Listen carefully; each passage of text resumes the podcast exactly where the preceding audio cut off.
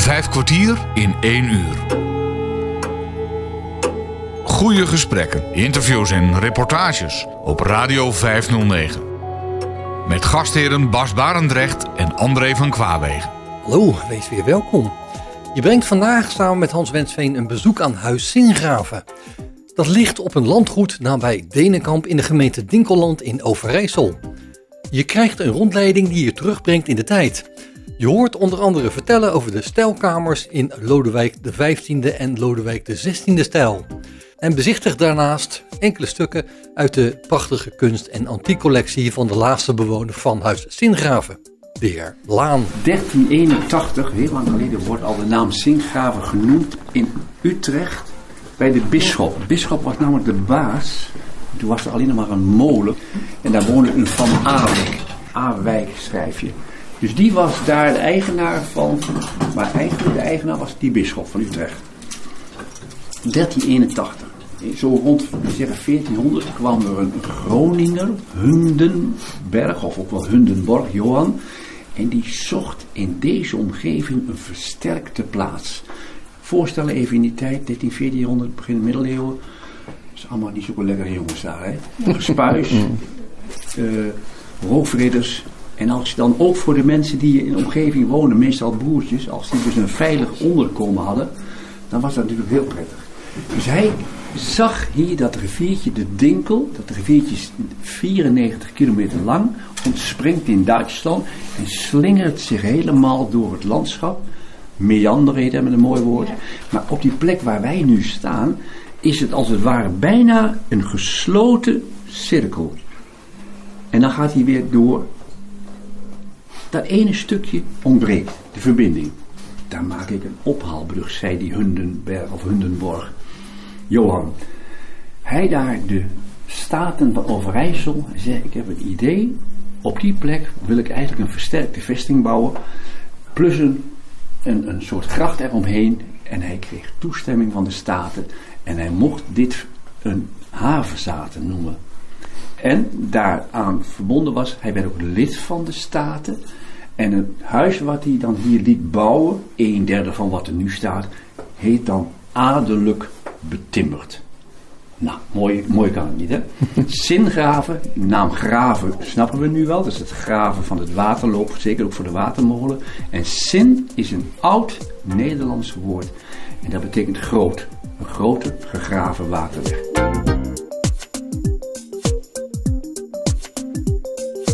Ik ga even een sprong maken naar 1914. Begin Eerste Wereldoorlog. En in de Zaanstreek bij Wormerveer was er een machtige, grote ondernemersfamilie Laan. Laan handelde in rijst, olie, pakhuizen, was zeer bekend daar. Hij was lid van de Eerste Kamer. Had drie zoons, één dochter. Maar zijn lieve vrouw had TBC. Die familie Laan, die eigenaar daar, Jan Adriaan, die was commissaris bij een bank in Amsterdam en het was de Twentse Bank. En dan denk je, hoe komt de Twentse Bank nou in Amsterdam? Gaan we even terug naar het textielverleden van Twente. Was in de 19e eeuw top in Europa. Alleen in Enschede al 200 schoorstenen van die grote stoommachines die daar hun werk verrichten bij de textielarbeiders. Want uiteindelijk deden zij het natuurlijk. Die bank die is daar maar zeggen gevestigd, vooral import, export van allerlei producten, zijde, wol, noem maar op. Wat ze hier maakten, de stoffen. En daar was die meneer Laan commissaris. En die sprak dan met die directeur, meneer Van Heek. Oh, En die vertelde ook privé natuurlijk, zaken wisselden ze uit. En toen vertelde hij dat zijn vrouw, Cornelia, dat zij TBC had. En ik zoek eigenlijk iets buitenaf, met gezonde lucht. Toen zei Van Heek, in Denenkamp, waar dat ook ligt, daar staat een huis, nu vrij. De laatste bewoner is overleden. Misschien is dat iets voor u. Ze zijn hier naartoe getrokken. Hij was direct verliefd. En vader, moeder, dus Jan Adriaan met zijn vrouw Cornelia. En één zoon, Willem. En een dochter, Agatha, zijn hier gaan wonen. En dit was dan, wat u hier ziet, zo vertrek. Want het ziet er wel aardig uit. Want dit was de stoelen van vader en moeder. Het servies uit de Elsass, Niedervilliers is het merk dan. 300-delig. Kijk eens, de hele kast staat vol.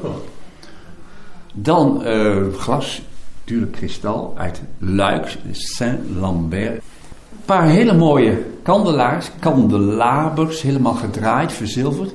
Dan zien we 1, 2, maar achter u ziet er nog bij de side tables uit Italië. Ook nog twee. Boven de tafel een hele mooie kristallen kroonluchter. Een haard van rouge byzantine. Met daarbovenop een hele grote spiegel. Want zulke grote spiegels konden ze vroeger niet maken. Dan maak je toch spiegels in deeltjes. En dan gaan we die contactpunten gaan we met roosjes mooi afdekken. Een roosjesspiegel. Ik moet nog even terug naar die mevrouw die tuberculose had. Die heeft hier maar één jaar gewoond. Die is overleden. Dat is triest natuurlijk, maar haar man, Jan Adriaan, die het gekocht heeft, eigenlijk voor zijn vrouw, heeft nog twee jaar geleefd, 1918. Die had geen tuberculose, is overleden. Dan had je dus een zoon en een dochter. Ja, die kijken elkaar aan, waren lopen tegen de dertig. Wat doen, wat doen wij hier? Nou, we blijven. Maar dat jonge meisje, Agatha, heeft ook tuberculose, gekregen. En zij is ook overleden in uh, 1922. Dus toen was alleen Willem hier, een jonge man van een jaar of 28. Nou, dan ben je natuurlijk wel heel verdrietig in eerste instantie. En tweede, wat moet ik met 500 hectare grond, bos, boerderijtjes, plus dat grote huis? Ik ga er van tussen. Ik ga helemaal mijn kop leegmaken. Ik ga een safari maken. Hm. Negen maanden in Afrika. En alles wat voor de loop kwam, dat heeft hij geschoten. Olifanten, uh, krokodillen, giraffes. En hij had zelfs een aantal mensen mee, villers, die de huid eraf haalden. En een aantal van die reliquieën, noem ik het maar, uit Afrika, heeft hij geschonken aan een museum in Denenkamp. Natura Docet. De natuur onderwijst. Het is wel heel mooi dat hij dat gedaan heeft, maar goed, toen kon dat allemaal nog.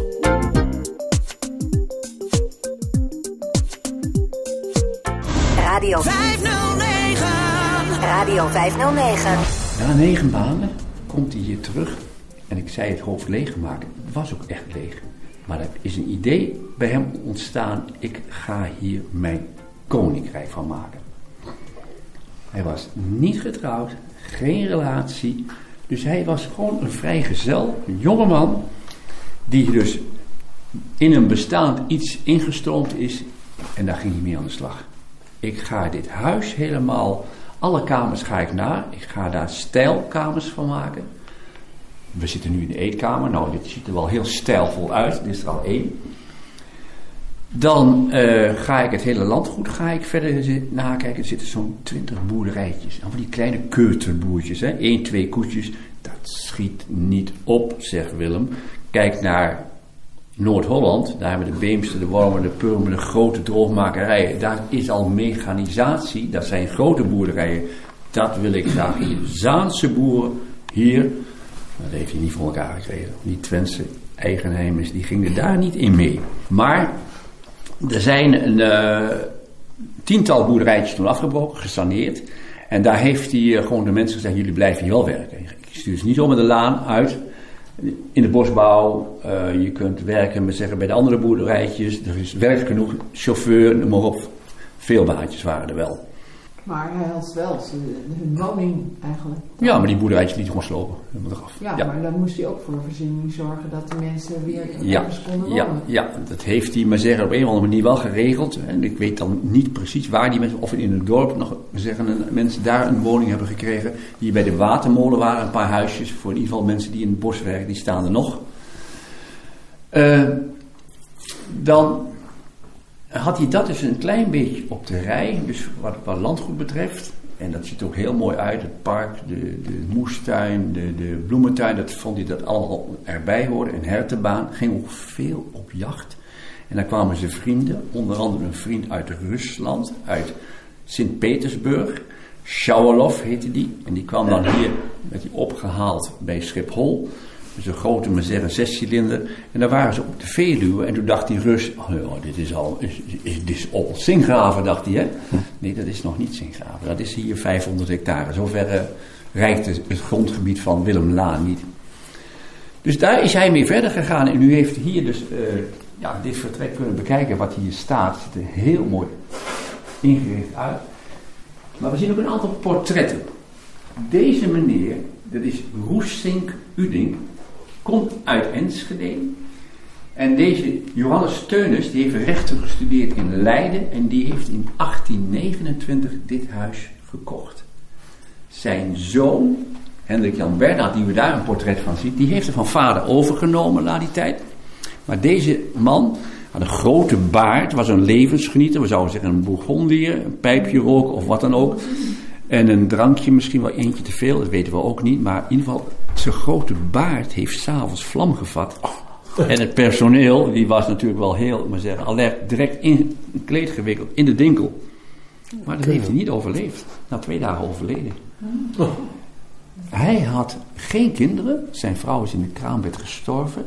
Maar er was nog wel een oom. En daar een zoon van Jan Anton. Die heeft toen, we zeggen, de taak hier overgenomen. Is toen eigenaar geworden. Jan Anton getrouwd met een barones. Die had al een paar centen waarschijnlijk.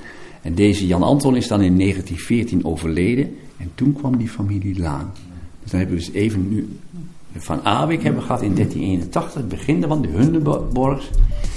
En uh, nou zitten we dus al uh, 1829, de familie Roesing-Uding. En in 1914 komen de Laans hier naartoe. Ja, we gaan naar een volgende vertrek.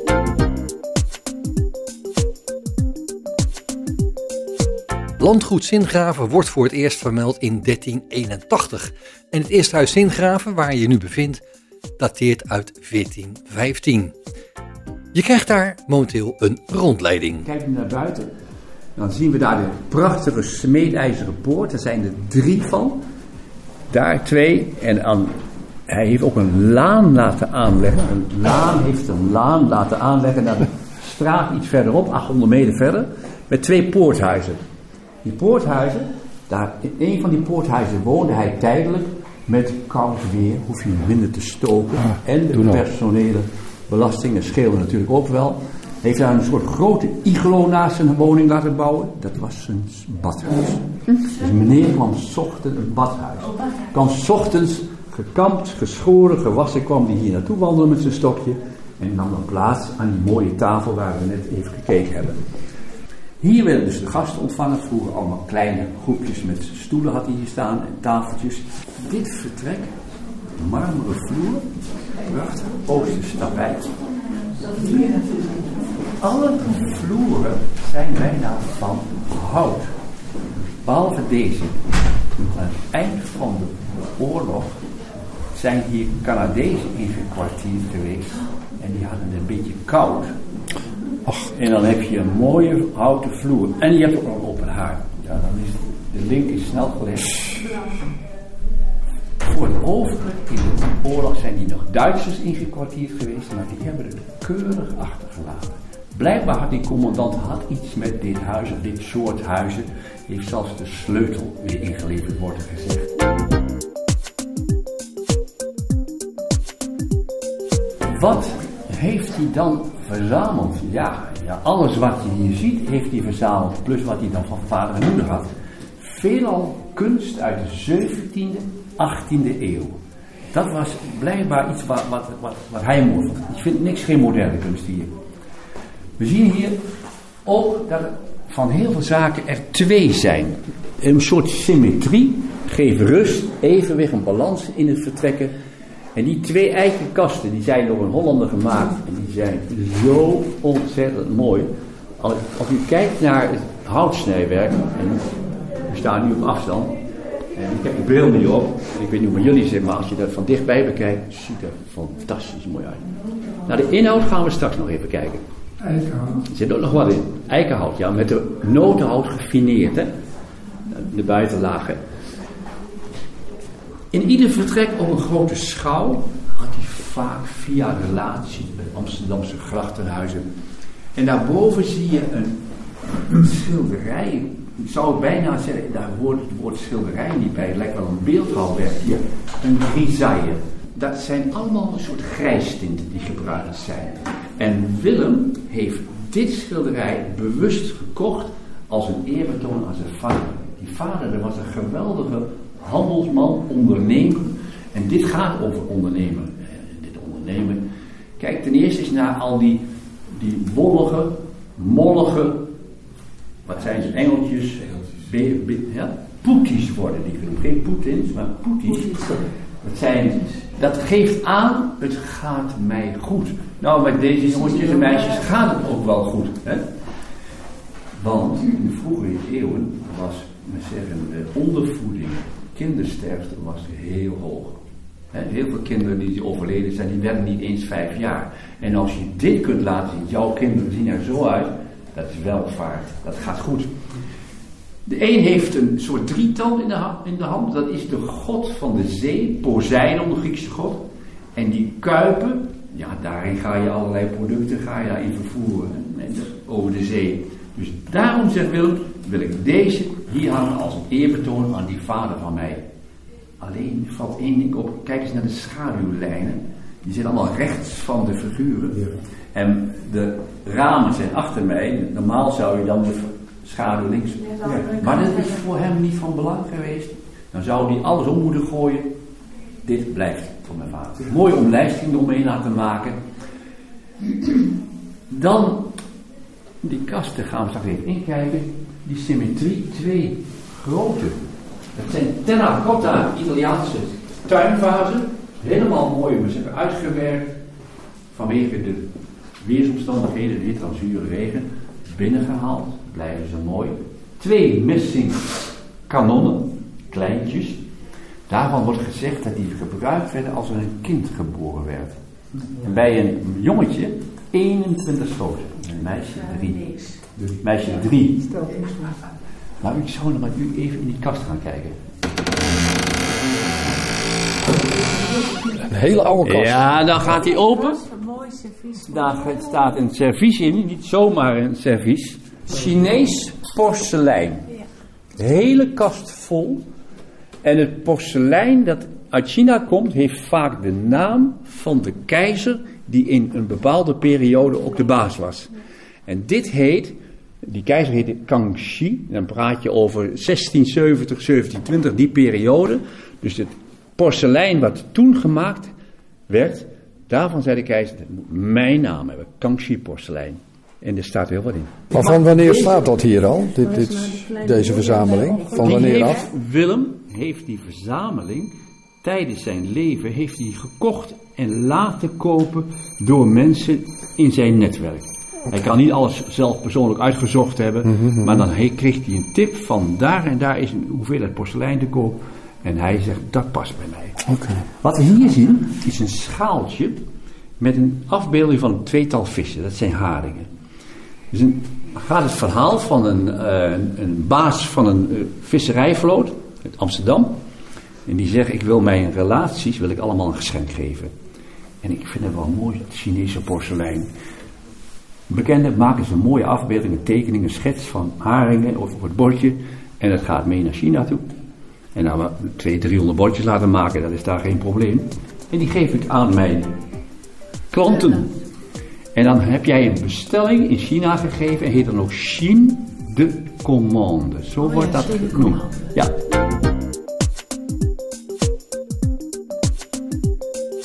Vijf kwartier in één uur. Dit vertrek, de bibliotheek, hebben die paar portretten gezien van die familie Hoesing-Uding.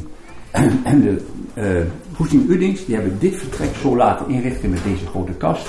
En Willem dacht, ja, daar kan mijn verzameling van 2000 boeken grotendeels in. Alle boeken zijn bijna naar Parijs geweest voor een leren rug. En bovenop een heel dun laagje goud. Goud op snee, want het moet wel iets lijken. Ja, ja dat, is, dat is dan, dan typisch Willem. Willem had in Leiden heeft rechten gestudeerd. En eh, ja, had een rijke vader, rijke ouders. Maar wat hij miste was dat zijn familie niet van adel was. Dat miste hij echt. Dat vond hij wel heel jammer. Dus hij zei wel zo gekscherend in zijn eigen kring, als hij zich voorstelde, Lord Lane. Dat klinkt toch nog wel aardig. Hè? Ja. Centraal in dit vertrek een bureau. En een, wat een zullen je zeggen, allemaal apart. Ga ik terug naar de Betuwe, daar woonde een zekere heer Bol, een handwerksman. En die handwerksman die had hier wel wat van gezien, maar dat maakte ze vooral in Frankrijk, in Parijs. Dus hij is naar Parijs vertrokken en heeft zich bekwaamd in het maken van dit soort aankleding, noem ik maar, van een bureau of een kastje of wat dan ook. En dat, daar was hij zo goed in, dat zijn naam Bol, dat was in Frankrijk niet meer Bol, dat klinkt niet, Monsieur Boule. En de techniek waarmee dit gedaan is, heet ook de Boule-techniek. Nou, wat is dan het, daar het speciale van? We zien bovenop een rechthoek met heel dun koper, latoenkoper, messing wordt er ook wel voor gebruikt. Het is allemaal uitgesneden met figuurtjes, mythologische figuren, vogels, andere dieren. En dat is zo fijntjes gedaan, maar dan ben je er nog niet. Dan laat hij die uitgesneden ruimte laat hij opvullen met de huid van schildpadden. Oh en dat is die boeltechniek. En dan zien we het hier bovenop, maar kijk maar bij de lades, de zijkant, overal is dat gebeurd.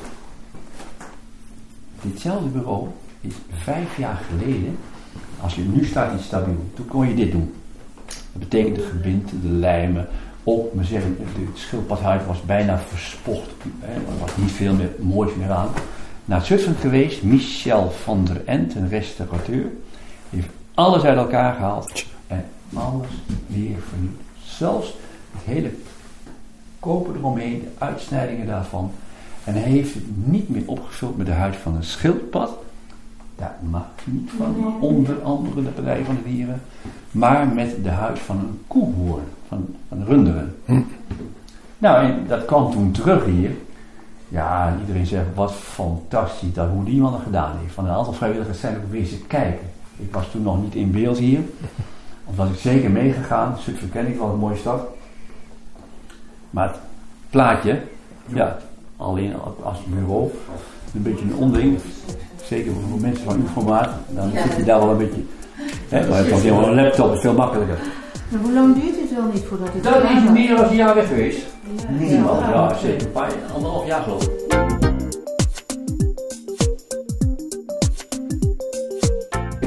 Zijn beide gesneuveld. Er zijn in Delft nieuwe wissels bijgemaakt.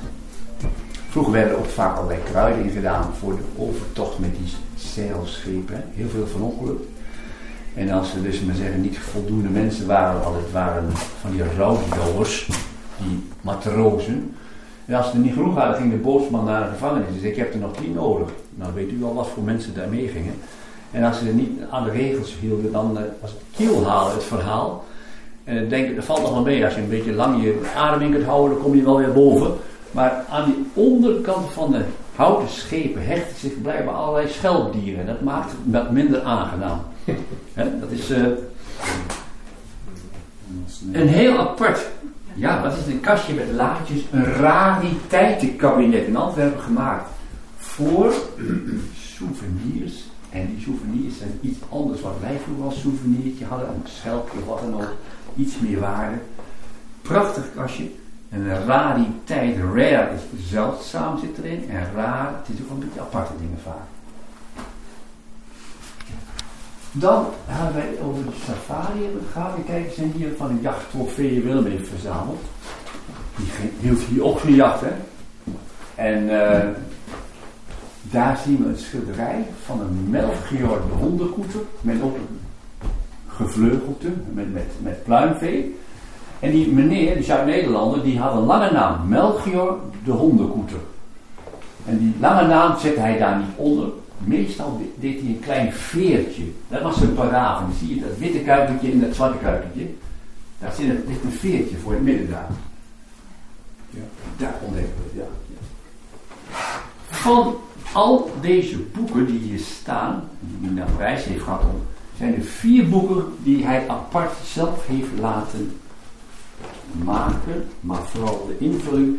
Dat zijn de boeken bij u meneer, deel 1, 2, 3 en 4 van het, huis Sinkgraven.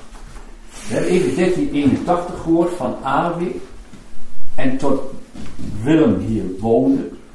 De hele geschiedenis heeft hij gevraagd aan een professor uit Steinfurt. Dat is net over de grens, 20 kilometer. Om dat uit te zoeken.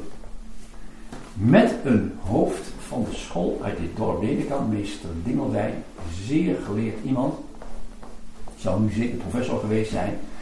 En in vier dikke delen staat de hele geschiedenis van wat hier allemaal mee te maken heeft gehad. Ja. En dan weet je niet wat helemaal tegenkomt in zo'n verhaal. Misschien hele stukken die saai, die je niks interesseren. Maar mensen van het archief en die dingen uit gaan zoeken, kunnen daar heel veel in terugvinden. En die boeken die zien er ook nog weer prachtig uit, een mooie lucht. Hij heeft ze namelijk naar Brugge laten brengen. En heeft hij ze laten inbinden in een mooie kaft. In een oplage van 165 stuks. En die heeft hij meest allemaal weggegeven. Niet aan Jan de Klerk, maar aan de commissaris van de koningin, aan het textiel, zeggen bedrijven, de baron, de textielbaron, burgemeesters, mensen uit zijn tijd. Vijf kwartier in één uur. Het huis waarin je je momenteel bevindt op landgoed Zingraven heeft een rijke historie. In 1381 wordt het landgoed voor het eerst genoemd. Nadat het landgoed in het bezit is geweest van verschillende families, is het uiteindelijk door verkoop in het bezit gekomen van de heer Willem Frederik Jan Laan. Een particuliere eigenaar en laatste bewoner van huis Zingraven. Je bezoekt vandaag samen met Hans Wensveen dit landgoed. Straks hoor je een macaber feit uit de geschiedenis van het huis. Maar eerst heb je nog een afspraak met de strenge heer Laan. Op Radio 509. Wij zijn hier in de werkruimte, kantoor. Hier werk ik, mijn bureau, mijn eetstal. Hier kan ik alles uitwerken, opdrachten verstrekken. En ik zie daar een groep ergens uit Holland, een van een club, en die heeft een afspraak. En daar is de poort. We zien hem naar voren aan een mooie smeedijzeren poort. En u bent tien minuten te laat. Dan zegt meneer Laan, de poort blijft gewoon dicht. Hm. Strak, zo was hij. Ze zeggen in het dorp wel, het was een man van onbesproken gedrag. Ze wisten eigenlijk niet veel van. Hm. Alleen de mensen die hier werkten, die wisten natuurlijk al meer van. Twee dames, 6, 87. Een paar jaar terug waren hier. Oude Weersink heette ze. En die hebben hier gewerkt, vonden het prachtig. Maar we kwamen als meisje van 16, 17. Zo bijna we deden in de broek voor hem. Zo hm. nerveus. Maar het was een hele aardige man. En als we af en toe ons werk goed deden, kregen we nog een fooi. Dus hij had, het moest allemaal precies gebeuren zoals hij het wilde, heel strak. Maar zo zat hij in elkaar. maar u zei hij werkt hier, maar wat voor werk deed hij dan? En hij moest het hele, eerst alle kunst verzamelen. Hij was vaak weg. De vertrekken inrichten.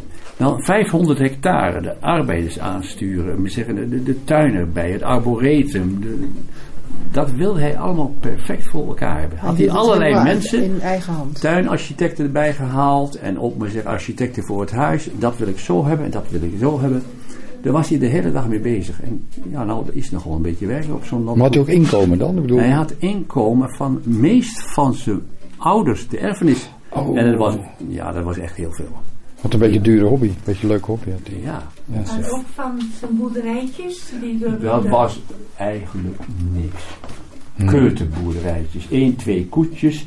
En uh, daar had hij andere ideeën bij. Hij zei, ik moet die boerderij veel groter maken. Hmm. Ik moet daar... Niets van pacht of zo. Ja, allemaal pacht, allemaal pacht. Dus dat was een stukje inkomen. Ja, ja maar dat is heel weinig, dat schiet niet op. Nee. Hij wilde graag veel grotere boerderijen. En toen dacht hij aan zijn geboortestreek, de Zaanstreek waar je dus die droogmakerijen hebt met landbouwmechanisatie. Daar liepen de trekkers, de landbouwmachines. En hier met zo'n paardje en een ploegje en een, ja, één of twee bunders, zeggen zie je dan. Ja. En het brengt wel iets op, maar niet veel. dus hij heeft ook een aantal boerderijtjes heeft hij eigenlijk langzamerhand weggesaneerd. Ja, dat Willem is in 1956, 65 geworden. En dan weten jullie, nu zeggen we AOW. Maar daar werd hij het ook niet mee. Maar hij dacht, wat ik hier allemaal heb geregeld en voor elkaar heb gemaakt. Wat ga ik daarmee doen als ik kom te overlijden? Want hij was nog steeds alleen. Ja, ah, ja is heel leven alleen gebleven. Toen heeft hij, want hij had recht gestudeerd, overlegd met een Edwina van Heek stichting. Die komt voort uit het textiel in Twente, groot maar zeggen. En een Edwina, een Amerikaanse dame, die was getrouwd met een Van Heek, met Bernhard. En die had we zeggen, uh, zich heel erg sterk gemaakt voor het cultureel erfgoed. Die had ook heel veel geld. En die kwamen hier terecht. En dit, dit ja, de plannen van Willem, wat wil ik dan? En Willem kwam bij die mensen uit. Hebben ze drie jaar overlegd. En toen hadden ze bij het testament, bij de notaris laten vastleggen. De twee broers uit het westen van het land kwamen ook over. Die dachten, jongens, wat valt er voor ons nog hier, hè? Ja. Nee, koffie. Goede koffie blijkbaar. Maar hij heeft alles, heeft hij gezegd, breng ik onder in de, bij de Edwina van Heek Stichting. En daar is het nu nog steeds van. Eén voorwaarde was ook, ik wil hier wel graag blijven wonen. Hij was toen 65, heb ik gezegd, en heeft nog 10 jaar gewoond. Toen was hij dan uh, 75. En toen is hij overleden in het ziekenhuis in Oldenzaal. En zijn as is later uitgestrooid op een urne van een veld hier bij zijn landgoed. Uh, wat er toen was om, om op uh, die grotere boerderijen, dat komt nu weer terug bij het bestuur. Die zijn twintig jaar geleden met een Van het bestuur, die kwam op het idee, kunnen wij op een aantal plekken waar boerderijtjes hebben gestaan niet nieuwe huizen laten bouwen in de stijl van dit landgoed en in erfpacht verkopen. Grond blijft van de stichting, wat er opkomt gaan wij wel behoorlijk de hand in hebben qua vormgeving, maar de bewoner die koopt dat dan. Nou, en dat zijn nu 12, 13 van die prachtige woningen hier neer. En dat brengt ook weer geld op.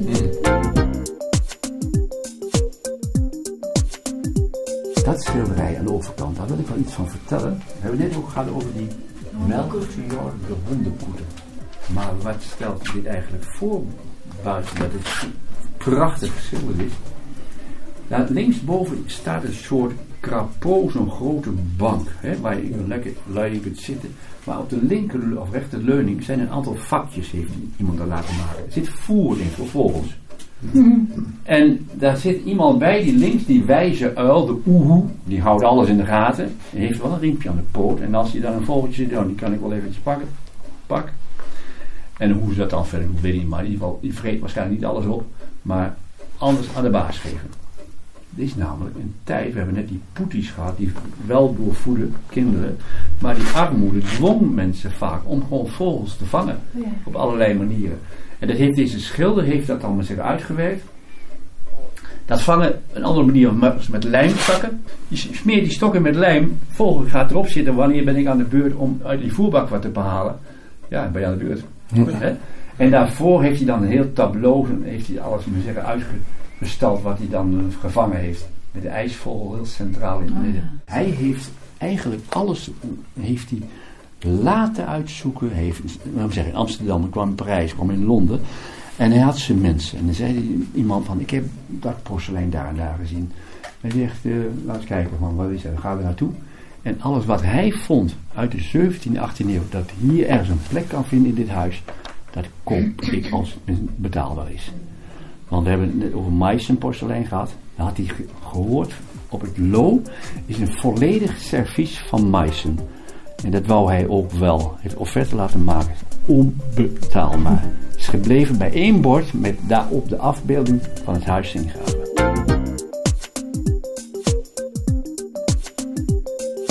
Radio. Radio 509. Radio 509 op deze schouw staat een heel, heel speciale klok. We hebben ook veel porselein gehad.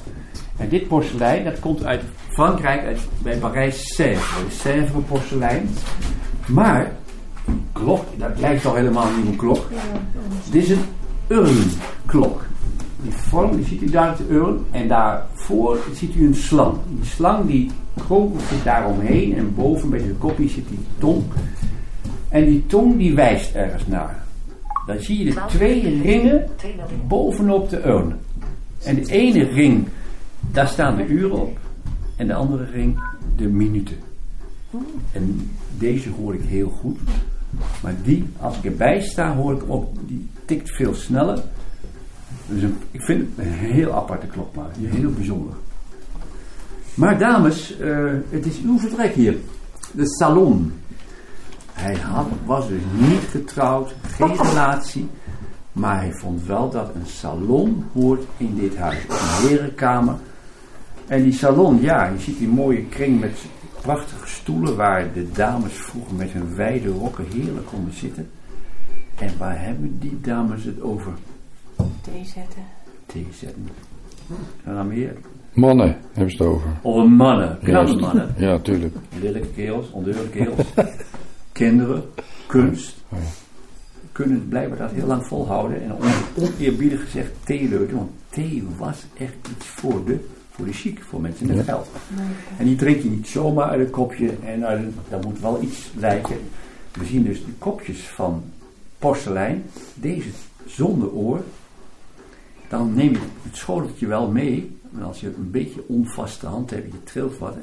Dan valt in ieder geval de thee die je morst niet op je kleding, maar op het schoteltje. En je hoeft het warme kopje niet vast te houden. Ja, dat is ook handig. In Frankrijk noemde ik iemand, die was hier, die zei, noemen ze een tremblie. En trembler is schudden. Je kan maar zeggen, om wat voor reden dan ook. Heel je vaak Parkinson. Maar kan een andere reden dat mensen geen vaste hand hebben. En dat ze daardoor dit gebruiken. Het servies waar thee, maar zeggen, in gezet werd. Ja, is allemaal zilver. Amsterdam zilver. Dat kun je herkennen aan die kleine pareltjes erop. Theepotje, theeblikjes of doosjes, melkkannetje, een schaaltje. En het water, dat werd warm gehouden in deze bouilloire. Dat is Frans. Een soort warmhoutplaatjes. Mooie koperen ketels. Kooltje erin. Ja, ja, kooltjes. Links van u daar, daar staat nog een secretaire van die moeder die om reden dat zij tuberculose had in 1914, 15 hier naartoe gekomen is. En dit is haar secretaire. Met haar foto erop. Ook een, eh, een stelletje van porselein waar inkt in zat dan. Ja, en kijk je verder rond, we hadden het over die symmetrie, overal twee dingen van. Kijk naar die twee schilderijen. Je hebt Van Ruisdaal, Jacob van Ruisdaal, maar een, een familielid daarvan was Salomon van Ruisdaal. Het zijn landschapsschilders. Die kennen heel veel mensen hebben wel van, van Ruisdaal gehoord. En die twee schilderijen eronder, ja, dat is een totaal iets anders. Dat komt uit Italië. Links een eiland Capri. Eh, Daar zijn Duitse slagers over Capri. En rechts is een plaatsje zuidelijk van Napels. Maar het zijn Griekse tempels. De Grieken die hadden vroeger heel veel rondom het Middellandse zeegebied stukken kust in bezit genomen waar zij vonden daar kunnen we wat geld verdienen. Dat noemen ze ook stadsstaten. En dat heette Paestum. En de, en de koning van Napels die ging daar op bezoek van een zekere Antoniani. Nou, over porselein hebben we het gehad, maar kijk eens van de kast vol nog weer. Twee borden zelfs met het wapen van Friesland en van Overijssel, waar we nu zijn. Hoor je de klok? Mooi hè? Ja. Ja. Schilderij, deze hier, is van Cornelis Troost. En we zien daar een aantal mensen die zitten om een tafel. Corps de Garde, de bewakers van de stad Amsterdam. Kaarten opengespreid. De hond, de jachthond of wat dan ook, die, die zit daar voor me, die blaft misschien naar jullie, dat weet ik niet. Maar er zit wel leven in dat schilderij. Ze kijken ook allemaal deze kant uit. Het was in Amsterdam een bekende gegeven dat in grote grachtenhuizen, daar hadden ze vaak een theaterzaaltje ingebouwd. En dit lijkt ook een beetje op een decor uit zo'n huis, waar muziekvoorstellingen, waar dans, waar zeggen ballet gegeven werd. En dat heeft die Cornelis Troost hier ook gebruikt, zo'n decor waar dus de corps de garde bij elkaar is. Een schilderij met een mooie lichtinval. Een origineel schilderij ook. Hier is een tweetallig kroonluchter. Deze is niet voorzien van elektriciteit, maar de gewone kaarsjes staan erop. Die ook nooit aangaan, denk ik.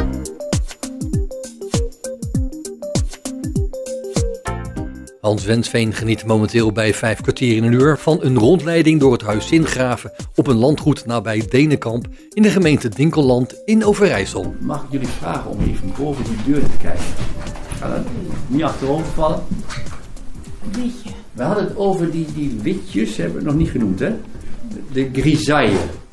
En die witjes, waar komt die naam nou vandaan? Iemand zei de naam witjes. We hebben dus eh, Johan de Wit, die is in Den Haag kopje kleiner gemaakt. Dus raad, hè?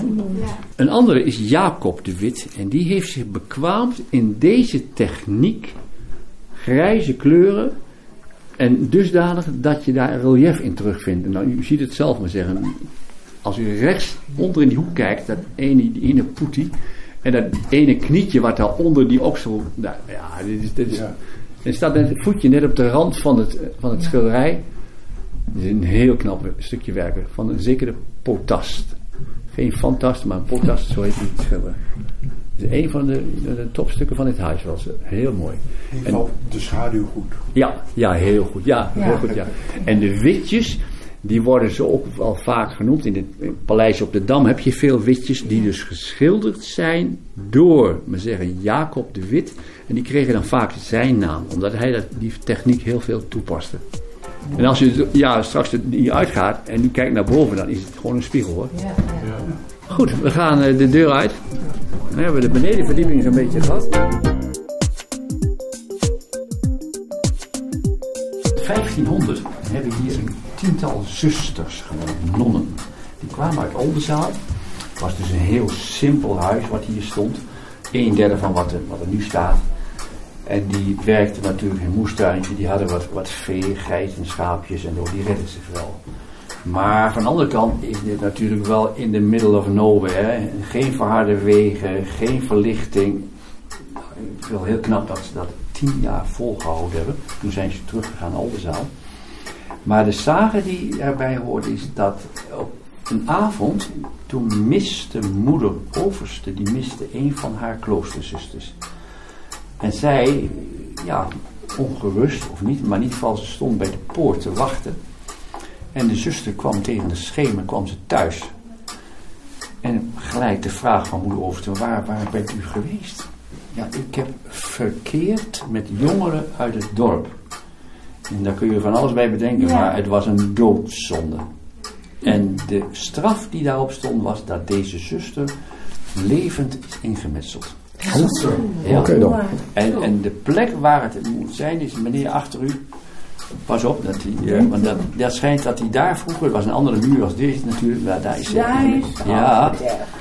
En als er iets gebeurt in dit huis, er is een keer een, een Loesing Uding verbrand, of wat andere dingen, dan is dat de geest van die non. ja, ja. Ja. Ja, in die tijd wisten ze er wel raad mee. Ja. Als je de kinderen vertelt, die vragen als eerste van waar, waar is die non ergens in? Moet je oppassen nog hoe je het vertelt natuurlijk. Maar u zei het is een sage om dit. Maar ze moet daar niet bij zeggen. Ze zeggen dat het echt gebeurd is. echt gebeurd. Maar goed, zijn die botten ooit gevonden? Nee, dat niet. Oké. Nou ja, dat wilde ik zeggen. Ja, ja, ja.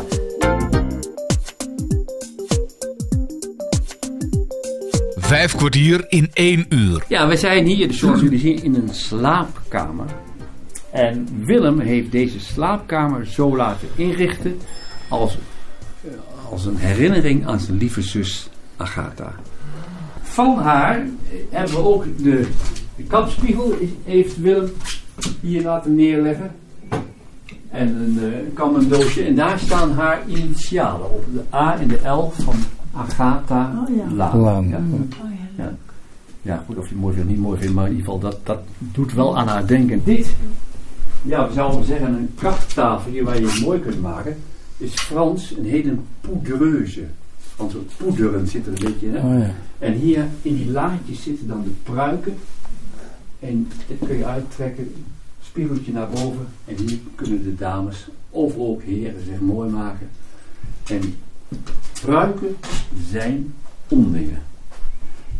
Een pruik? En ik doe niet de pruik van, van sommige mensen die hebben gewoon geen haar meer. Die hebben een pruik ook niet prettig.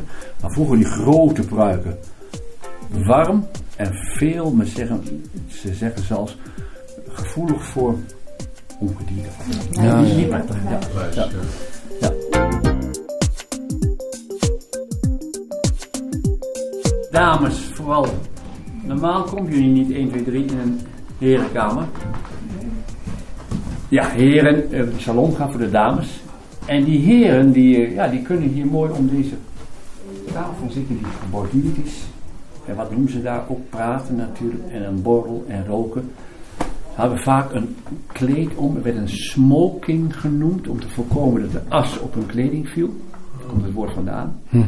En waar zullen we het eens over hebben? Ja, over de reizen. Dan hebben wij naar hun aardglobe, de aardbol. Natuurlijk wel eh, bij die heren, ik ben in, zeg maar, in, Amerika geweest of ik ben in, in eh, Nederlands-Indië geweest, om dat terug te vinden op de wereldbol, is natuurlijk wel interessant. Daar kun je over praten. Maar wat mij veel meer interesseerde is wie en hoe maak je een aardglobe. Ik kan me voorstellen als ik een klein eilandje heb en ik heb wat materiaal, dan ga ik dat tekenen, in kaart brengen en dan kan ik dat op een plat vlak overbrengen. Dat zijn cartografen.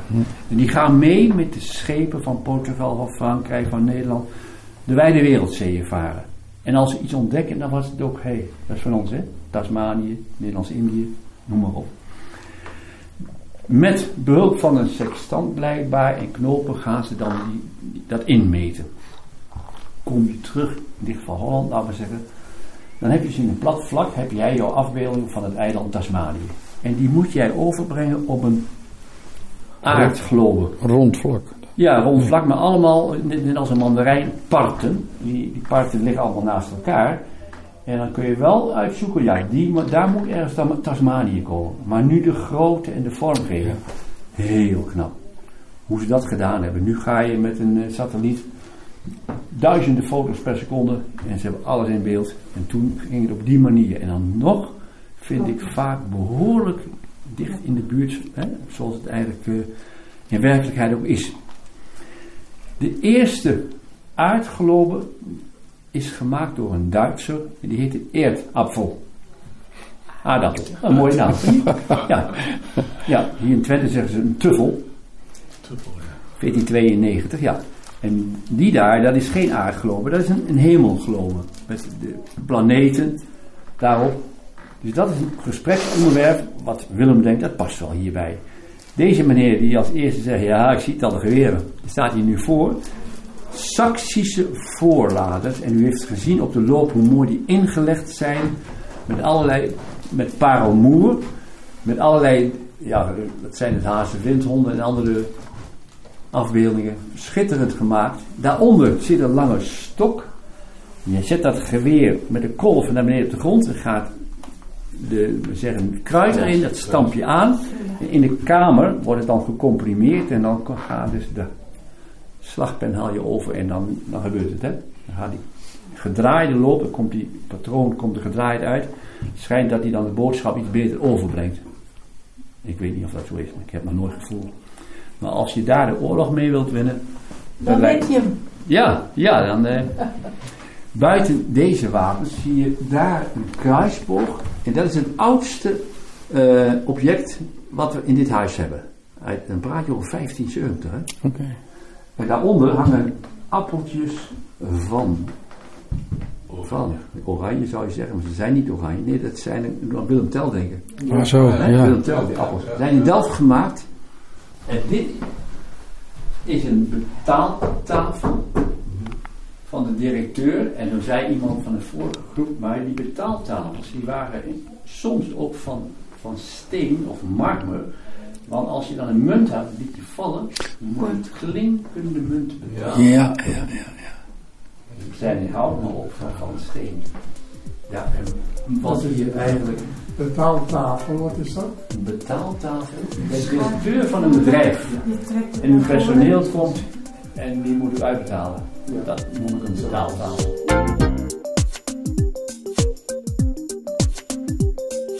Radio 509. Dan de wand hier. Dat is een tapis, een tapijt in Frankrijk gemaakt in Beauvais. En de afbeelding, ja, dan gaan we naar China toe. Keizer van China op zijn troon. Eh, machtig heerser. Heeft een witte olifant achter hem staan, met een olifant oppassen. En een wit olifant, een albino, is een zeldzaamheid. Hè? Dus die is dan ook voor de keizer. Maar wat opvalt dat de mensen om zijn troon, het lijkt of ze verstoppertje spelen. Ziet u daar rechts drie mensen onder het tapijt? Eh, links eh, een paar, iemand die met handen zo doet, eerbied aangeeft. Dat heeft te maken met onderdanigheid betonen aan de keizer. En dat doe je niet één keer in een uur, maar wel drie keer. Eventjes een soort buiging, maar dan dit, in dit geval wel heel opvallend. Hè? Is wel zo'n naam, Koutouwen. Wat mij wel interesseerde, en misschien u ook wel, is in Beauvais gemaakt. Daar is geen fotograaf op het schip mee geweest, maar wel weer een schilder. Die heeft het alles vastgelegd wat hij daar gezien heeft, meegenomen naar Beauvais, uitgewerkt, om een karton, dan wordt het kartonschilders genoemd, zo groot als dit wandkleed. Dat staat dan tegen de wand en uh, laten we zeggen, hier komt dan het weefgetouw. Van boven naar beneden zijn de kettingdraden, dat is het meest makkelijke. Maar dan moet je gaan weven de inslagdraden. En wat gebruik je daarvoor? Zijde, wol, katoen, dikke draden, dunne draden. Van tevoren al op kleur gebracht. Dit is een immens karwei. Ja. Die maître tapis, tapijtmeester, die hadden een opleiding van drie jaar. En dan uh, aan de slag van s ochtends vroeg tot s avonds laat. En op één zo'n werkdag een oppervlakte van soms nog niet één een vierkante decimeter, zo'n stukje. Tja. Dus dan kun je nagaan, dit, dit, ja, dit is gewoon heel knap. En dan is het misschien een opdracht geweest voor een graaf of voor wie dan ook, dit, dit uh, grote doek. En het brengt goed geld op. Maar die mannen die dat gemaakt hebben, en de eigenaar die zegt natuurlijk, maar jongens, uh, jullie dit, kennen dit trucje, maak er allemaal eens één. Want er zijn misschien wel meer liefhebbers, dat is wel zeker zo. Hier zijn er namelijk negen van gemaakt. En later is er één in handen gekomen van koningin Juliana. En die heeft dit tapijt weggeschonken aan de regering van Canada. Omdat haar drie oudste dochtertjes, Beatrix, Irene en Margriet, die hebben een veilig onderkomen gehad in de oorlogsjaren. Toen is dat geschonken aan, uh, aan Canada. En Willem heeft er ook ergens één kunnen kopen. En die vond dat het hier op deze herenkamer mooi paste. Joorde de gids van het huis Zingraven. Tot het landgoed behoren ook een koetshuis, een aantal pachtboerderijen en een watermolen dat ligt aan het riviertje de Dinkel. Een volgende keer zal je samen met Hans Wensveen meer te weten komen van dit laatste onderdeel van de rondleiding. Ik bedank je, mede namens Hans Wensveen en Bas Barendrecht, voor het luisteren. En heb je nog vragen of opmerkingen, of wil je zelf wel eens aan het woord komen, of weet je wellicht een onderwerp waar Bas achteraan kan gaan, dan kan je een mailtje sturen naar bas.radio509.nl. Dit programma is ook te beluisteren via de podcast van deze zender. Geniet van de rest van de dag, blijf luisteren naar Radio 509 en tot een volgende keer. Vijf kwartier in één uur is een programma van Bas Barendrecht. Techniek André van Kwaabegen.